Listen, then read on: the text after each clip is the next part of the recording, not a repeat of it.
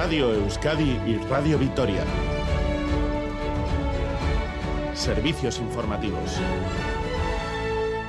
Vamos a repasar los titulares de la jornada con John Fernández Mur, Gabón. Gabón, Aranza, noticias de este jueves 2 de noviembre en el que comenzamos hablando de las negociaciones para la investidura de Pedro Sánchez. Parecía todo listo para que Junts anunciara un acuerdo con el PSOE, pero finalmente no han cerrado ningún pacto. Fuentes de Junts aseguran que seguirán negociando para llegar a un pacto global que abarque la resolución del conflicto, la amnistía y las bases para la, la autodeterminación. El PSOE ha reconocido que aún no se ha cerrado el acuerdo con Junts en lo que se refiere a la amnistía, pero Félix Bolaños no ha querido entrar en detalles. Eso sí, se ha mostrado confiando, confiado de que cerrarán muy pronto ese acuerdo. Y sigue también abierta la negociación del PSOE con el PNV en torno a tres ejes, inversiones, transferencias y reconocimiento nacional. En cambio, quien se ha firmado y escenificado un acuerdo con el PSOE, hoy ha sido Esquerra. El Estado asumirá 15.000 millones de euros de deuda catalana en virtud de ese acuerdo de legislatura, según el PSOE, algo que el presidente de Esquerra, Uriel Junqueras, ha matizado después, diciendo que lo asegurado es su apoyo a la investidura. Además de esa condonación de la deuda,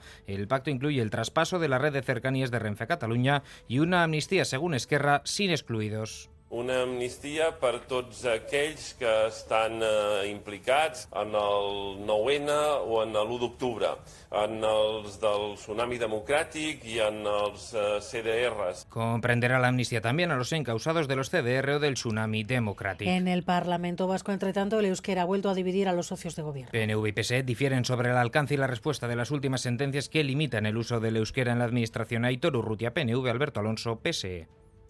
Eta ez soilik botere judizialarekin zerrikusia duena, baizik eta Ibarra jaunaren adierazpenak, familien presen eh, kongresu egunean pasazirenak.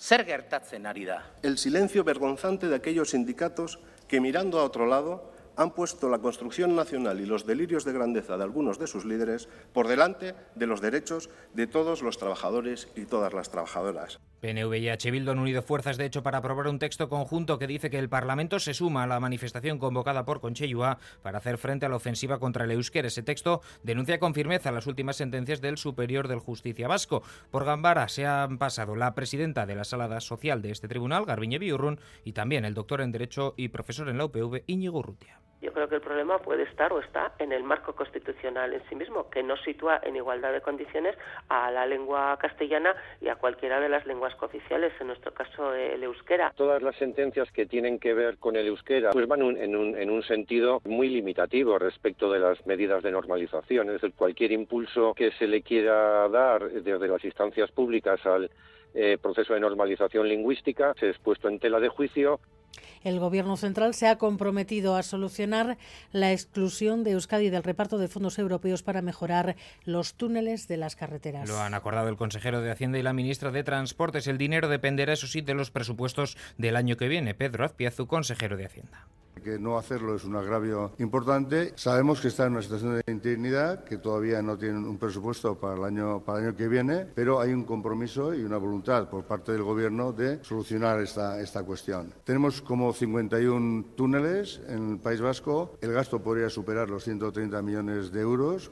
También se ha alcanzado otro acuerdo que tiene que ver con la rehabilitación de viviendas. Y la borrasca Kieran deja más de 400 incidencias en toda Euskadi. La mayoría por la mañana y por las fuertes rachas de viento de hasta 160 kilómetros por hora. En toda Euskadi hay decenas de árboles caídos, trenes afectados en Guipúzcoa y Vizcaya y ahora preocupa la mar con olas de más de 7 metros en Donostia, por ejemplo, cerrados el Paseo Nuevo, el Espigón del Cursal y el Peine del Viento. También los accesos a la Concha y no ha sido en Euskadi, pero por el viento se ha suspendido el Gimnástica Segoviana Sestao Rivera medianoche. Además, volvemos a situarnos en alerta naranja por viento en zonas expuestas. Es todo, así terminamos. Más noticias en una hora y en todo momento en EITV EUS y en la aplicación EITV Albisteac.